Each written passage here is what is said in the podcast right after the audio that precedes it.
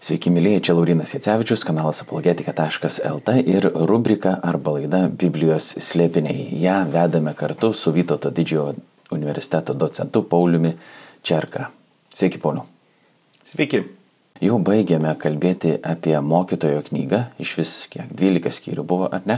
Dabar spręsdami, ką čia toliau galėtumėm aptarinėti, kas galėtų būti įdomu e, mums ir e, jums. Ir iš vis kur būtų galima kažką pasakyti, ne visiškai nuvažiuojant į lankas. Pažiūrėsime iš vis, kaip čia išės, nes nei Paulius, nei aš mes nesame biblistai. Aišku, Paulius daro didžiąją tą e, sunkumų kilnojimo dalį. Jis nešioja tas naštas, aš tik bandau e, kažkaip užklausti, retkarčiai įsiterpdamas m, savo kažkokį pamastymą į tai, apie ką mes e, kalbame.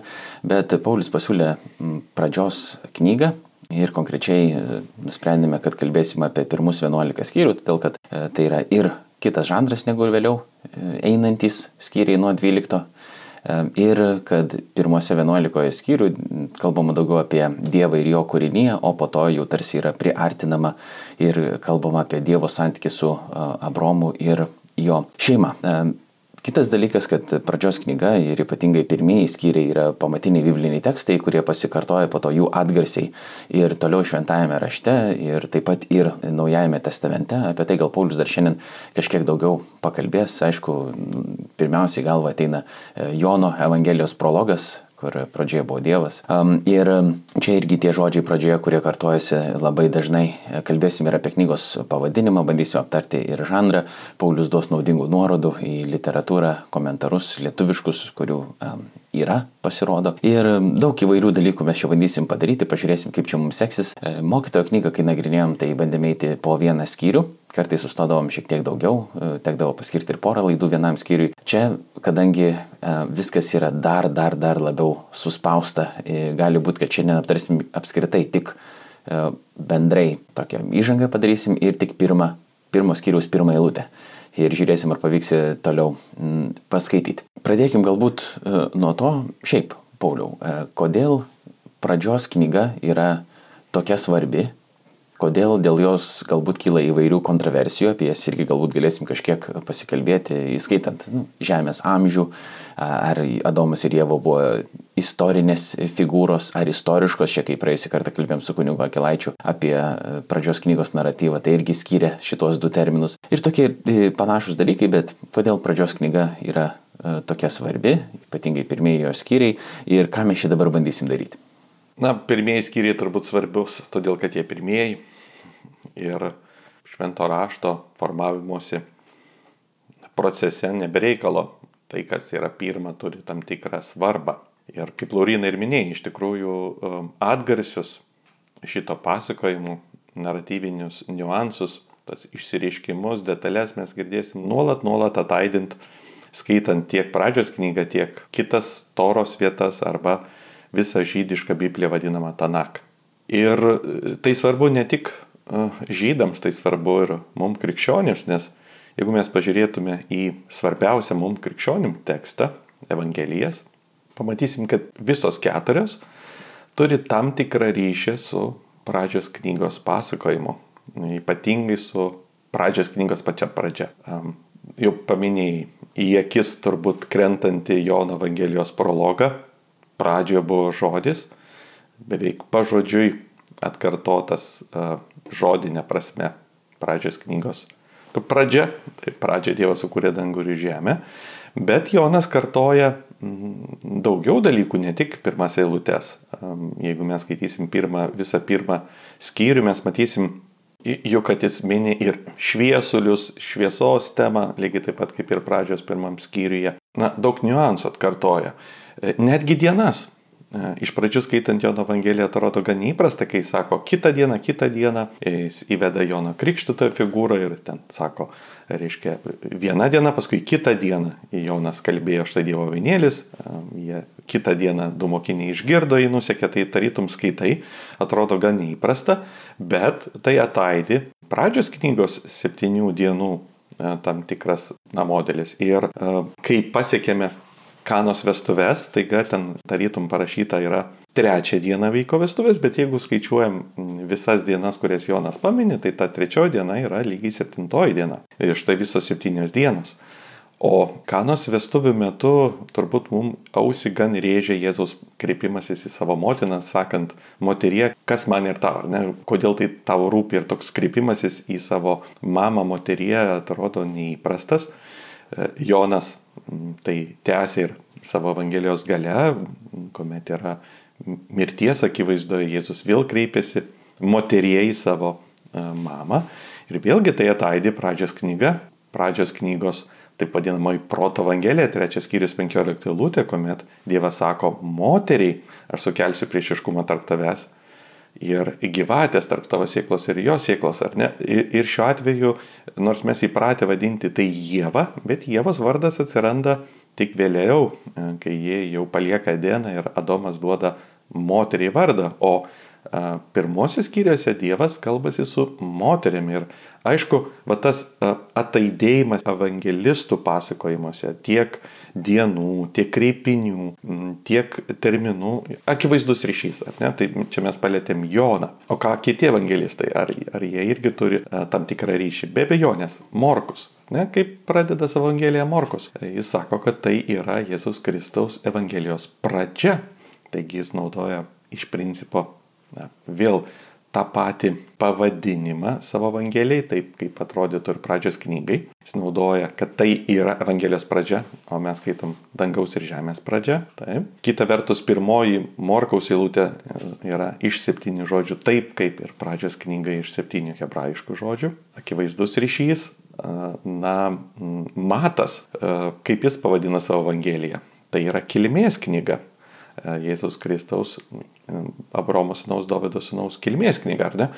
Kilmės knyga, atrodo, koks tai ryšys yra su pirmąja Biblijos knyga, bet beveik visose kalbose, išskyrus hebrajų kalbą ir dar kelias, ir pat lietuviai pasiekė hebrajiškų tradiciją, mes vadinam tai pradžios knyga, bet iš principo dauguma kalbų, į kurias išversta vis tik tai buvo per graikišką vertimą ar lotynišką vertimą.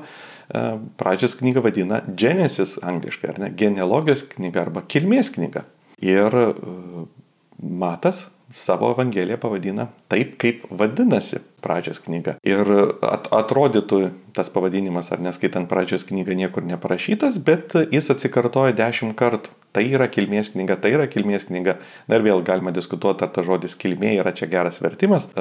Toledot hebrajiškai būtų tam tikra genealogija, kilmė.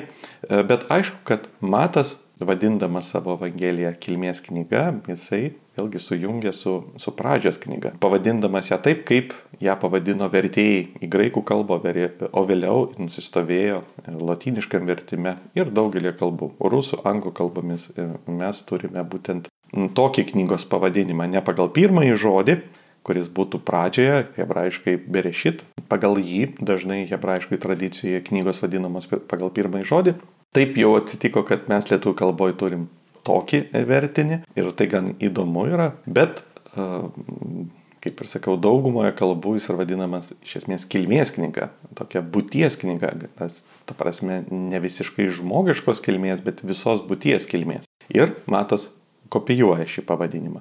Na, o Lukas, kai jis kalba apie Jėzų, duoda nuorodą apie tai, kad jis yra Adomo sunus. Taigi susiję jį su pirmoju žmogumi, parodydamas, kad tai yra naujasis, antrasis Adomas.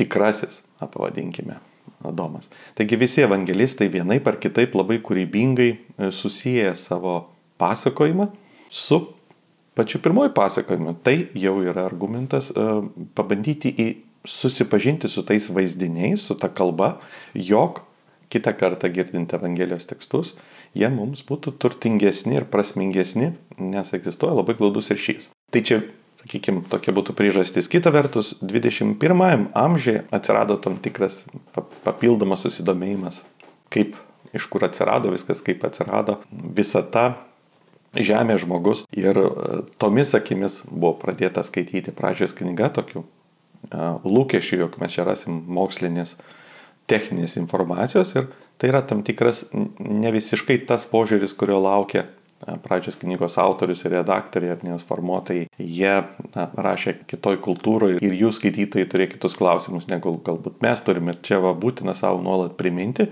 Juk mes net neskaitome čia mokslinės literatūros apie a, kažkokias tai raidas vystimuose, mes skaitom vis tik a, dvasinę teologinę literatūrą, a, kuomet jinai yra atsako klausimą daug gilesnį negu Žemės raidos etapai arba visatos formavimos etapus. Atsako klausimą Dievo ir žmogaus santykio. Toks šiek tiek irgi komentaras jį būtina paminėti.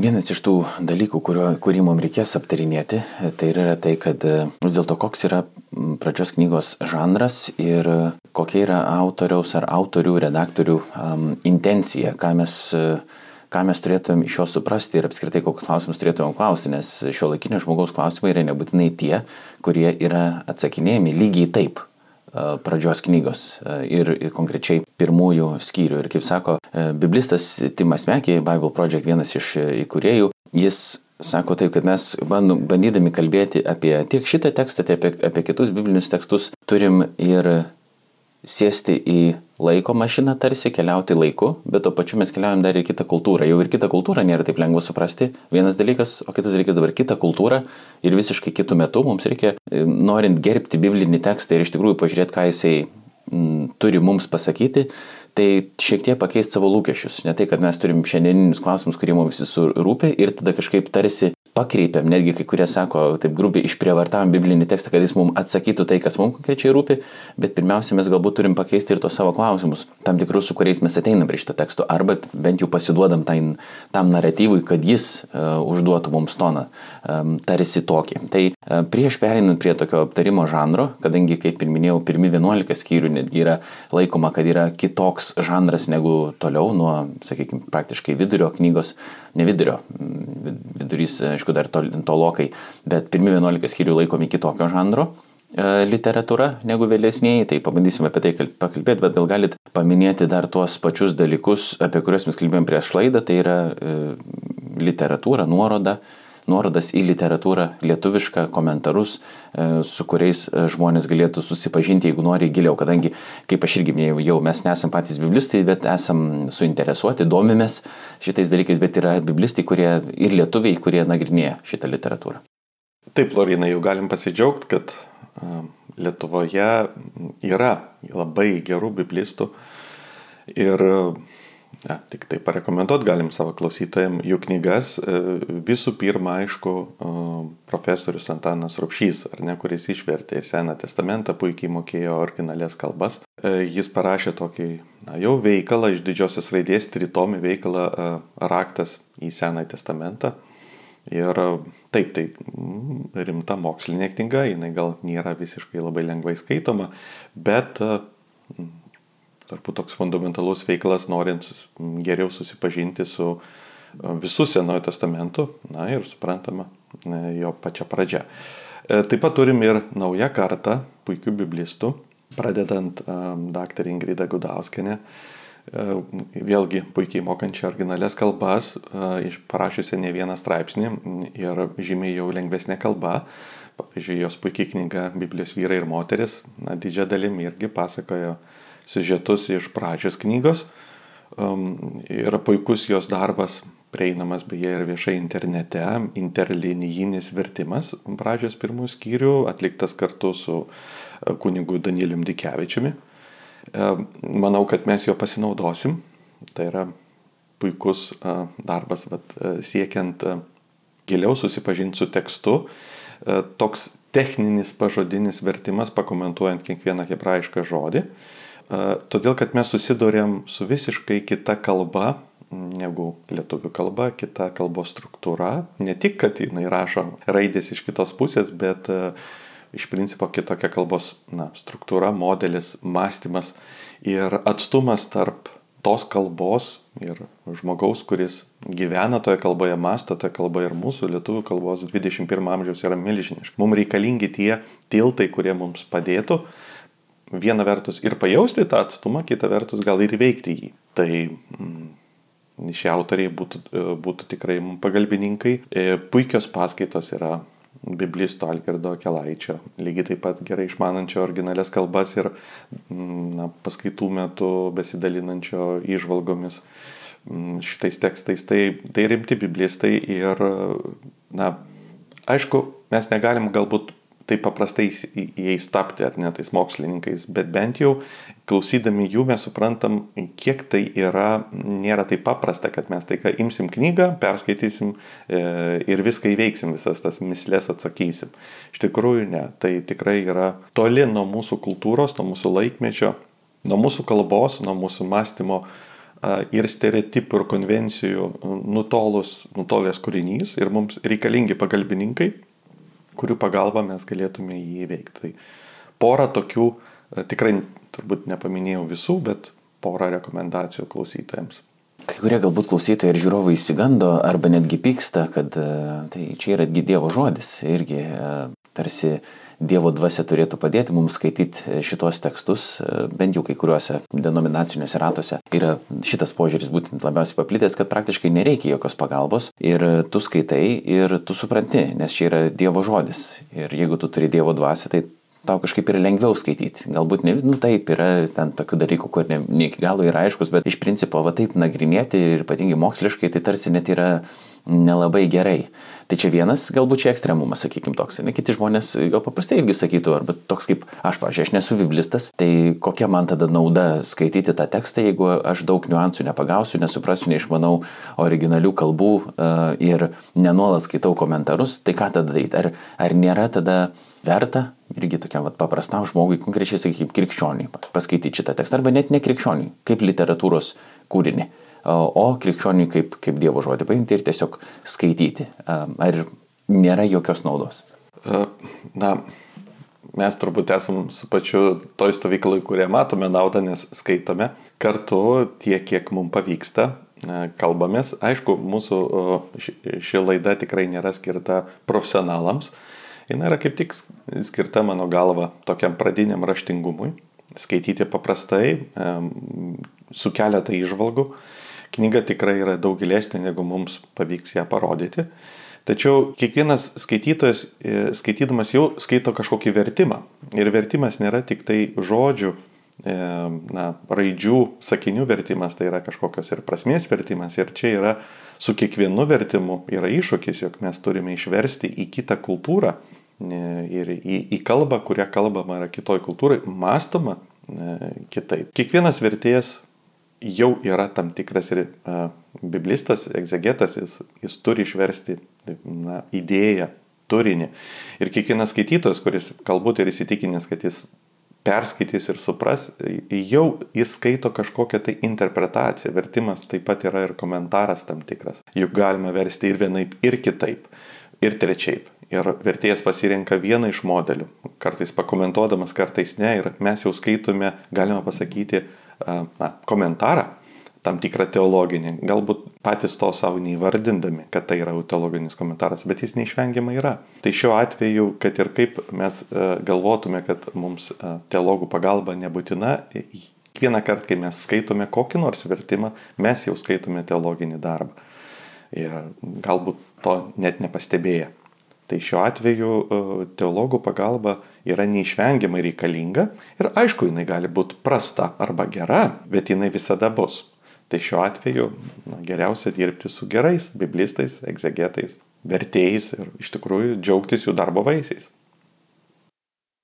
Pakalbėkim kažkiek apie patį žanrą. Tiek pirmos skyrius, tiek galbūt visų pirmų vienuolika, jeigu taip galima juos sugrupuoti. Yra tokių siūlymų vadinti šituos skyrius ar šitą literatūrą e, proto istorija, vieni taip vadina, kiti vadina mito istorija, bet mitas e, žodis šiom dienom turi neigiamų konotacijų, e, bet tas siūlymas yra ne tai, kad mitas yra netiesa, mes žinom, kad tai yra netiesa kažkoks išgalvotas dalykas, bet kad tai yra toks pamatinis pasakojimas, vadinkim taip, kuris aiškina dalykus ir kuris yra labai tiesa tiem žmonėm, kurie jo tiki. Tik ta tiesa, klausimas tada, ar yra, nu, jeigu turėtum vaizdo kamerą ir nufilmuotum, ar lygiai taip viskas vyko, kaip buvo parašyta, sakykim, tokia pažodinė tiesa ir kokiu tų tiesų būna. Tada istorinis dėmuo, ką jisai reiškia. Taip, nu, pavyzdžiui, dabar man tenka ir skaityti Viljamo Leino Kreigo, teologo ir filosofo knygą, ieškant istorinio Adomo. E, labai ten tokia techninė šiaip e, knyga, e, daug lyginimų su įvairiais senųjų, senojo pasaulio artimųjų vidurinių rytų aplinkinėmis kultūromis, su, su anais mitais, lyginant šitą literatūrą, žiūrint, kokio yra panašumų, pavyzdžiui, su Gilgamešo apu ar ten dar kažkuo. Ir e, tas istorinis demo, jis e, ta, išriškėja per tai, kad e, tarsi Bilo Kreigo bent jau požiūriu yra rašoma remiamasi tikrais istoriniais įvykiais, tikrai, tikromis istorinėmis asmenybėmis, bet viskas yra perteikiama tokia mito forma. Tai mitas ne tai, kad netiesa, bet nu, vaizdinių kalba, kaip e, mes kažkada kalbėjomės prieš tai, kad yra toks žodis liktai katekizme, ne, yra parašyta, kad uh, šitas, šitie tekstai parašyti vaizdinių kalba. Tai galbūt pakalbėkim kažkiek apie žanrą ir apie tas žmonių baimės ir susiskirstim labai tokias stovyklas, kad jeigu tiesa, tai reiškia, kad viskas yra va taip, va kaip filmuoji, Taip įrodosi, ten Dievo ranka iš dangaus nusileidžia, operuoja domą ir ištraukia mašonkaulis ir taip toliau. Va čia yra tiesa, jeigu tiesa. Ir kai kurie teistai va, taip kritikuoja, ai, čia per nesam, čia žiūrėkit, va, nu, reikia tokiais dalykais tikėti, ne, kad, kad tiesa. Ir kita tada pusė yra tokia, ai, tai čia viskas yra sugalvota, tiesiog, nu kažkoks, nieko nebuvo niekada, net, net panašaus, nebuvo nei Adomo, nebuvo, nieko nebuvo. Ir toks tarsi čia yra sugalvotas pasakojimas, bandymas paaiškinti savo kilmę, pasaulio kilmę ir mes tiesiog priimam, kad kažkoks va toks jisai gal ir galėtų būti, bet iš principo ten nieko tikro nėra. Galbūt žodis net netiesa, bet ten nieko tikro tokio nėra. Viskas yra sugalvota, tikrai yra tik tai, kaip aš priimu, va čia yra tikra. Man, mano gyvenimą keičia, dėl to tai yra tiesa. Toks, sakykime, šiek tiek netgi relativistinis požiūris. Tai žanras ir tada žmonių galbūt baimės ir kaip reikėtų iš vis mums prieiti prie, prie šitų tekstų. Jo, žanro klausimas yra gana sudėtingas. Jis nėra taip lengvai įmenamas ir bandymų yra įvairių priskirti vienokį ar kitą žanrą. Mm, ir kaip tu pats kalbėjai, mito žanras mm, gali būti, kad mes esam arti to biblinio pasakojimo žanro ir čia reikėtų pakalbėti, ar ne, kai sako mito žanras, arba vaizdinių kalba. Iš tikrųjų, katekizme, atsakant į klausimą apie žmogaus nuopolį, ten gražiai yra iš, e, pasakyta, jog e, šventasis raštas apie jį mums kalba vaizdinių kalba. Ir šiuo atveju mes kaip tik skaitom pirmosios pradžios knygos skyrius ir vaizdinių kalba perpasakota yra tikrovė. Na taip mes tikime, ar ne, kad tai yra tikrovė, bet tikrovė yra ne patys vaizdiniai, o tai, kas jais perpasakota. Ir uh, tos kelias, nu, keli, keli kraštutinumai, galbūt taip sakytume, jog uh, galbūt Biblijos autoriai, jie tiesiog padarė kratinį to meto kultūrų įvairių mitų. Jie tiesiog uh, sujungė, apjungė, kažką panaudojo ir suformavo savąjį mitą. Tam tikras, na, atrodytų, jis yra irgi motivuotas požiūris, jeigu susipažįsti su to, to laikmečio aplinkinių tautų Babilono, Egipto, Šumerų mitais, atrodytų, kad jų elementus tikrai mes aiškiai matom pradžios knygos pasakojime ir galbūt tai yra kokteilis tam tikrų elementų. Kita vertus yra aiškus skirtumai. E, tai šis klausimas bent asmeniškai man atrodo puikiai buvo atsakytas ir aš asmeniškai laikyčiausi tos pozicijos popiežiškos Biblijos komisijos čia beveik prieš šimtą metų, bet klausimas atrodo vis dar aktualus, jog jie atmeta tai, kad tai yra tiesiog kokteilis mitų. Kita vertus, kita vertus, jį kalba apie tai, kad tai liečia tikrai tikrovę, bet pati kalba e, liečia e, vaizdinius. Ir čia mes turim daryti skirtumą tarp tikrovės ir tikrovės vaizdinio tikra yra ne vaizdinys, bet tikrai tai, ką jis nurodo. Ne? Tikra ne pats vaizdinys, o tai tikrai, ką jis nurodo. Galbūt čia galima panaudoti ir šio laikinio psichologo ar ne Petersono tam tikrą meta tikrovės idėją, jog kai kuri tikrovė yra intensyvesnė negu mūsų kasdienybė tikrovė ir kaip mums kalbėti apie tą tikrą intensyvę tikrovę arba jis vadina meta tikrovę, kuri yra daug kartų tikresnė. Ar ne, mums reikia kitos kalbos. Tai iš tikrųjų mes galim kalbėti apie tarytų mūsų kasdienybę įvykusi įvykį. Mhm. Tai būtų paprastas, e, na, pavadinkim, faktinis įvykis. Bet kaip mums kalbėti apie, m, pavyzdžiui, žmogaus godumą kaip tokį, apie tūkstančius įvykių, kurie atkartoja tai, ar ne, kaip apie juos pakalbėti, apie kažką gilesnio žmoguje. Labai sunku kalbėti tiesioginę kalbą, ar ne, mums reikalinga turbūt, na, labiau poetinė kalba, perteikti tai, kas a, tiesmukiškai, tiesiogiai, paviršutiniškai yra sunkiai perpasakojama, ar ne, dėl to mes ir džiaugiamės poezijai, jog ji kalbėdama apie meilę, ar ne, apie, apie tikrą meilę, bet randa tokius žodžius, kuomet mes mėgaujamės tuo taiklumu, to grožiu, to įtaigumu, tai ir yra būtų poreikis turėti ne tik techninę mokslinę kalbą, bet tam tikrą kitą kalbą, perdėkti dar stipresnius, gilesnius na, išgyvenimus arba tą gilesnę tikrovę, metatikrovę. Tai vaizdinių kalba, ji nėra poezija grinąją prasme, bet ji naudoja, na, poezija naudojama simbolizmą. Ir skaitant pradžios knygą, pirmąjį skyrių netgi, akivaizdžiai mes jaučiam, kad autorius a, naudoja daug simbolinės kalbos. Vien tai, kad pirmoji lūtė jau turi septynis žodžius, antroji keturiolika. Toliau pasakojimas, pirmasis pasakojimas baigėsi eilute ar skirsniu iš 21 žodžio. Jeigu mes pažiūrėsim, kiek kartų Dievas kalba, mes, mes rasime 10 Dievo žodžių, dekalogą, kuriuo Dievas pašaukė kūrinyje būti ir ją sutvarko. Mes rasime tokius žodžius kaip žemė, dangus, Dievas atsikartojančius na, skaičių, kuris dalinasi iš septynių. Jeigu mes pažiūrėsime į žodį diena, e, nustepsime, kad jis pavartotas e, penketą prasmių, ar ne? Mes skaitome apie dieną kaip e, kuri yra tiesiog šviesos sinonimas, nes Dievas pavadino šviesą dieną. Mes skaitome apie vieną dieną, ne apie pirmąją dieną, apie vieną dieną, labai keistas uh, įžangos momentas. Vėliau mes skaitome tarytum apie įprastas dienas, kur yra vakaras ir rytas. Tada mes skaitome apie septintą dieną, kur nėra vakaro ir ryto, nesibaigiančią dieną. Ir vėliau visas pasakojimas užbaigtas yra to, kad tą dieną, kai Dievas sukūrė dangų ir žemę ir visus jų pulkus. Vėlgi mes skaitome apie dieną, kuris tarytum yra nusakoma kaip metas ir laikas. Akivaizdu, kad tokiam mažam tekste autorius sugeba panaudoti e, savokai diena, praktiškai penketą skirtingų prasmių ir visos jos na, net ir mum, lietuviam 21 amžiuje yra suprantamos, kad ir mes šiandien kartais galim vartoti žodį diena uh, tokiom prasmėm. Bet visa tai parodo, kad tekstas yra labai gerai apgalvotas, labai gerai suaustas, jame yra apgalvoti sąskambiai, e, na, čia nespėjau daug pateikti pavyzdžių, bet ir, ir žodžių skambėjimas, ir žodžių žaidimas, e, kalambūrai vadinamieji, ar ne, žodžių atsikartojimo skaičius tie elementai mums nurodo, kad mes neskaitome enciklopedijos, mes neskaitome mokyklinio vadovėlio apie Žemės ar visatos pradžią. Ten tokių elementų nerasim, e, ten poetinės kalbos tiesiog iš principo nėra, o čia jos labai daug. Reiškia, mes susidurėm su kažkokia kitokia kalbėjimo maniera, būdu, bet ne todėl, kad tai yra autorius fantazuoja, ir svajoja arba jis daro kokteilį iš savo meto kultūrinių pasakojimų, bet todėl, kad jis tiesiog naudoja jau kultūroje esančius uh, tam tikrus modelius, tam tikrus vaizdinius ir tais vaizdiniais pasakoja tai, kuo jis laiko tikrą. Pradžios pasakojimas liečia tikrovę, bet jis yra papasakotas vaizdais, kurie patys nėra tikrovė.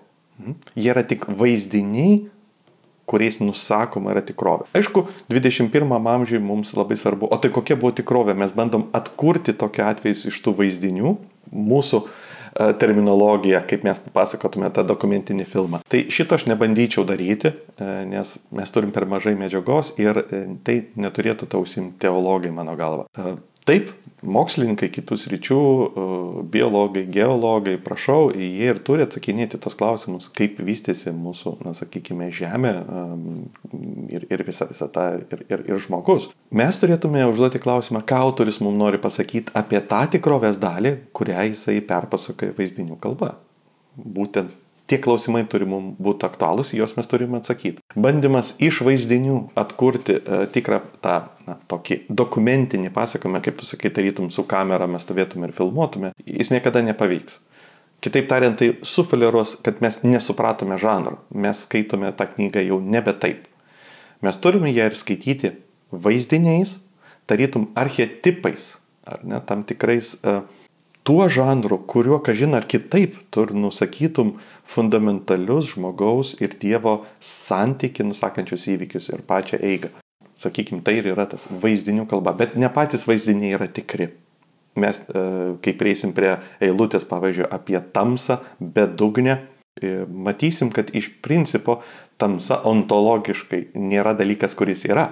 Ne? Ir vis tik jis turi vaizdinį, kuris tarytum yra, arba vandenys daug kartų atsikartojantis vaizdinys, tas šėlstantis vandenynas, labai agresyvi tokia tikrovė. Ontologiškai, aš pabandysiu galbūt paaiškinti, kad to dalyko net nėra.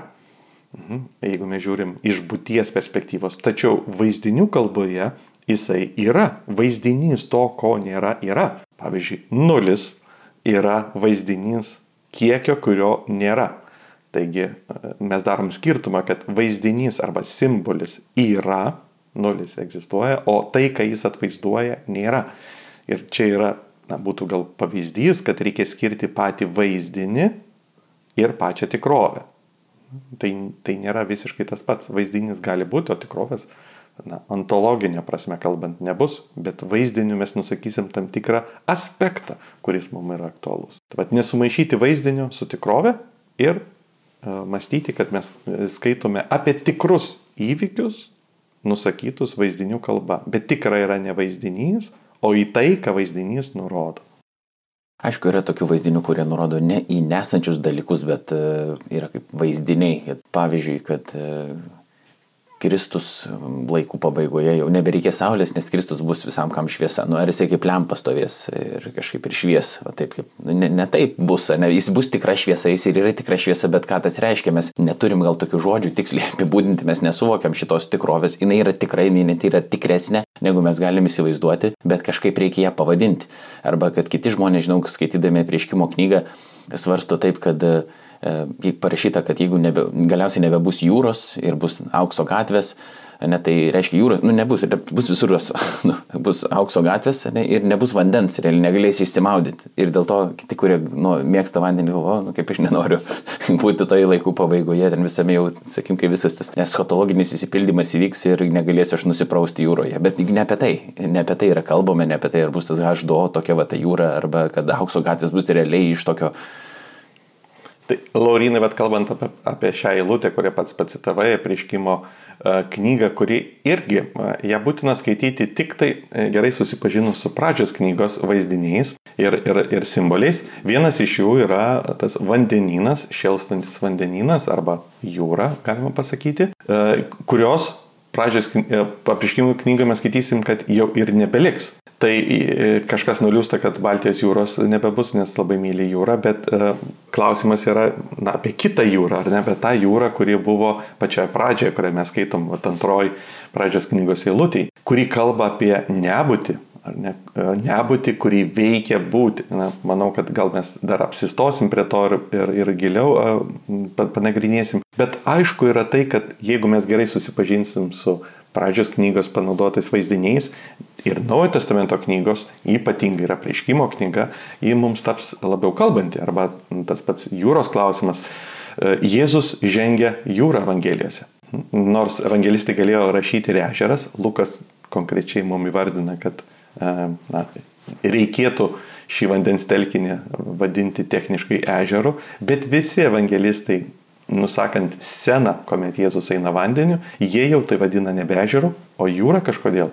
Todėl, kad tai yra nuoroda į pirmosius pradžios knygos puslapius apie dvasį sklendžiančią virš vandenų, apie nojaus laivą einantį vandenimis, apie Dievą, kuris vienintelis gali eiti virš nebūties. Jeigu mes nesusipažįstam su tais, na, ta kalba, staiga Evangelijos sena mums yra tiesiog stebuklingas pasivaikščiojimas um, na, vandens paviršimi, nieko daug nekalbantis, bet jeigu mes susipažįstam su pradžios knygos vaizdinių modeliais ir ta žinia staiga Evangelijos senos, apriškimo knygos senos, jos mums kalba visiškai kitaip. Tai va dar vienas iš motyvų jungtis prie šito skaitimo ir geriau pažinti vaizdinių kalbą. Panašiai yra ir su e, Jėzaus, ir šituo momentu, ir kitais, e, kai, kai kurie žmonės klausia, e, parodyk man, kur Jėzus sako, kad aš esu viešpats, aš esu Dievas ir garbink mane. Ir jeigu nėra tokio teksto, tai Jėzus niekada netikė, kad jis yra Dievas ir evangelistai nerodo, kad jis yra Dievas. Bet jeigu turiu omenyje pradžios knygos pasakojimus ir kad tik Dievas sutramdo šiltančius vandenis, ir kad, ir kad Dievas eina virš tos bedugnės, kaip kad ką tik įvardinau, tai Jėzus tą patį daro, jisai sutramdo šėlsančius vandenis, ne tai, kad stebuklą tiesiog padaro kažkokį ten vat, fizinį toje vietoje, bet tai yra nuoroda į tai, kas Jėzus yra, turint omenyje, pradžios knygą. Baigiant jau, nes mes tikriausiai šiandien ir nespėsim paskaityti, net tos pirmos eilutės paliksim kitam kartui, bet kadangi dabar, jeigu užgriepsim, tada tiesiog nespėsim nieko praktiškai aptarti. Truputį dar apie tą žanrą ir apie buvusius uh, kitų tautų mitus ir tą kokteilį. Vienas mokslininkas, neatsimenu dabar aš jo pavardės, yra sakęs, kad vat, ypatingai kai buvo bandoma nagrinėti e, biblinio, ypatingai Naujojo testamento biblinių įvairių naratyvų tikrumą, teisingumą, buvo e, pradėjusi vykti tokia paralelomanija kai ieškoma tik paralelių visur ir tada Jėzus ir Horą atkartoja, ir Mitrą, ir ką tik tais tu nori. Ir visur, sakykime, tos paralelės kažkaip bandomas yra pritemti. Tai panašiai ir čia, galbūt jeigu yra kažkokių panašumų, žmonės dažnai daro kad, e, tokia išvada, kad kažkodėl iškart buvo skolinamasi arba vagiama, imama ir perdaroma, bet e, yra man tekę rašyti tokį darbą magistro studijose Vilniaus universitete religijos studijų programai apie tai, ar izraeliečiai skolinosi iš Ugarito religijos. Ir dabar vėl neatsimenu autoriaus aš pavardės, bet jis buvo įvedęs kelis principus. Jeigu mes norim e, įvardinti, kad įvyko sinkretizmas, tai reiškia susiliejimas tam tikras religijų arba skolinimasis, reikia nemažai punktų atitikti, kad galėtum iš tikrųjų taip įvardinti. Tai nėra taip, kad jeigu tu randi panašumą, reiškia kažkas iš kažko būtinai pavogė. Yra skirtingų daug aiškinimų. Pavyzdžiui, galbūt tie įvykiai, jeigu daug turi įvairių tautų pasakojimus apie tvaną kažkokį, tai vienas iš paaiškinimų galėtų būti galbūt tvanas kažkoks ir buvo. Dėl to jie ir kalba apie tą įvykį, ne dėl to, kad vienas iš kito skolinosi, bet jie tiesiog bando tai paaiškinti. Kitas dalykas yra irgi tam tikri būdai kalbėti apie tuos dalykus, kaip ir mes e, turim tam tikrus būdus, kurie yra atpažįstami, kad yra 21 amžiaus Lietuvos. Ir mes panašiai kalbame apie dalykus. Turim tam tikrus išsireiškimus, e, frazes, e, žanrus, kurie yra išsikristalizavę. Šio laikinė biografija atrodo kitaip negu, e, vadinkime taip, antikinės biografijos, jau turi kitokius būdus e, jas rašyti.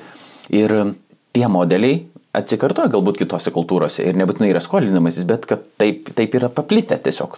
To, tai yra, su tuo yra dirbama, vadinkim, taip tai yra žmonių atpažįstama. Tuo labiau, kad kai kurie sako, kad pradžios knygos tie pirmieji skyriai, jie apskritai yra polemika su kitomis tautomis, parodant, kad jūs tai va, turite įvairius tokius dievus, kurie yra sukurti arba moraliai korumpuoti, jie ten kei, labai taip keistai, įdomiai kuria dalykus arba patys yra to kūrimo dalis, o čia yra dievas, kuris yra transcendentinis, kuris yra viso ko valdovas ir e, nei žvaigždės, nei menulis jie nėra Dievas.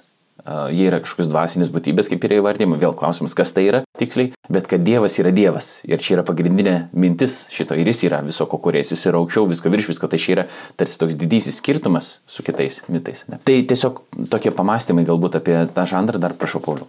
Taip, taip, Laurinai. E, iš tikrųjų, e, Biblijos autoriai, jie kalbėjo kalbą, kuri būdinga tam laikui.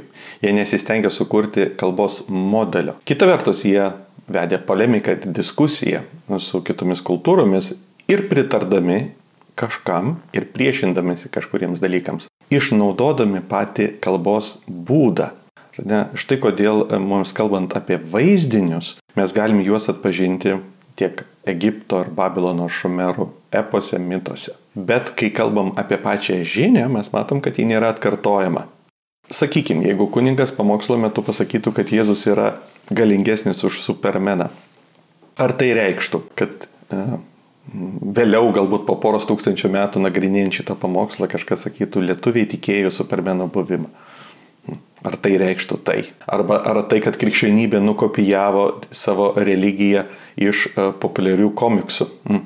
Tavasme, tai būtų klaidingos išvados. Greičiau tai reiškia tai, kad kuningas naudoja jaunimui suprantamą kalbą savo pamokslę, panaudodamas Supermeno vaizdinį, e, kuris yra puikiai suprantamas kiekvienam klausytojui, ką jis gali, ko jis negali, ir parodydamas, kad Jėzus yra galingesnis už tą, ką simbolizuoja Supermenas. Tai šiuo atveju Biblijos autoriai elgėsi panašiai. Jie kalbėjo savo laikmetyje dalykais, kurie buvo įprasti, bendri visiems, bendra kultūriniai. Tas pats tvano įvykis, e, jis buvo visiems savaime suprantamas. Ne? Šiandien mes galim diskutuoti, buvo toks įvykis ar nebuvo, ar jeigu buvo kokios apimties. Taip, e, to meto kultūrose e, dėl to nekilo bejonių, visi žinojo, kad jis buvo, beliko klausimas tik, kodėl jis buvo ir kas, kas ten, kokia to įvykio reikšmė. Ir tokiu atveju jie įstoja, Biblijos autoriai, su savo versija, parodant, kaip jie mato to įvykio prasme. Tai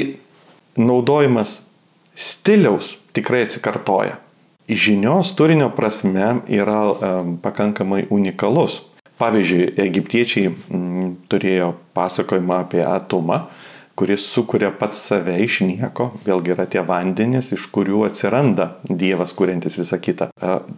Pradžios pasakojimą mes turim vandenis, bet iš jų neatsiranda Dievas, Dievas kaip tik yra iki vandenų, galim pasakyti, virš vandenų ir pašaukia būti iš vandenų. Naudojami panašus, panaši kalba, ar ne? Tai, ką vandenį simbolizuoja, bus tas pats dalykas. Bet kūrimo procesas nėra identiškas. Tai e, aišku, kad mokslininkai pastebi stilistikos panašumą, kadangi jinai yra to, to laikmečio stilistika ir, ir Biblijos autoriai neketina sukurti savo stilistikos. Jie naudojasi tuo, kas yra. Taip kaip šiandien na, pamokslai yra sakomi mūsų stiliumi ir naudojant mums priimtinas e, na, konvencijas, tam tikras stereotipus, kai kada netgi supratimus, simbolius, kurie mums kalba, bet nekalbės kitoj kultūroje e, esantiems žmonėms. Tačiau pats turinys tikrai nėra e, kokteilis e, mitų, jis na, iš dalies atspindi ir iš dalies kontrastuoja. Pavyzdžiui, Egipte tik faraonas ar nebuvo laikomas Dievo atvaizdu. Biblijos autorius sako, kad žmonija yra Dievo atvaizdas. Kiekvienas žmogus savinešio Dievo atvaizdą. Jo, jis naudoja panašią kalbą bet staiga e, visiškai kardinaliai pakeičia šitą žinią, pridėdamas, kad ne vienas išrinktasis tyronas turi teisę na, laikyti save dieviškos kilmės, bet visi žmonės yra sukurti pagal Dievo atvaizdą ir vargšai. Ir, ir, ir nekilmingi, visi turi savyje Dievo įspaudą. Staiga, na, kalba panaši, bet žinia ne, ne visiškai tokia. Tai čia buvo būtina tą matyti. Mūsų laikas šiandien jau baigėsi, dėkoju visiems, kurie esate, buvote ir viliuosi būsite kartu su mumis. Kitą kartą bandysim jau skaityti pirmą, bent jau pirmą eilutę perskaityti ir jinai, kadangi labai yra tiršta, tikriausiai ties ją tik tai ir apsistosim, žiūrėsim, kaip mums eisis. Ačiū Jums, Pauliu, taip pat už vedimą per Biblijos puslapius. Na, o jeigu norite kaip nors prisidėti, kad tokių laidų galėtų būti daugiau, tai pirmiausia, jeigu žiūrite mus per ne tik klausotės radio eterį, bet ir žiūrite mus YouTube kanale, tai paspauskite, kad mėgstate, jeigu nemėgstate, spauskite, kad nemėgstate, pasidalinkite šito įrašu su tais, kuriem galėtų būti įdomu, pakomentuokite, ką nors, nes tai patinka YouTube algoritmui ir tikėtina, kad tada parodys e, didesniam kiekiu žmonių. O jeigu norite dar vieną ekstra žingsnį įdėti, tai galite užsukti apologetika.lt e, pasvirasis brūkšnys parama ir ten rasite kitų paramos būdų tam, kad mes galėtume padaryti daugiau panašių tokių dalykų ir pokalbių ir ne tik. Dar kartą ačiū visiems, iki kitų susitikimų ir sudėv. Sudėv.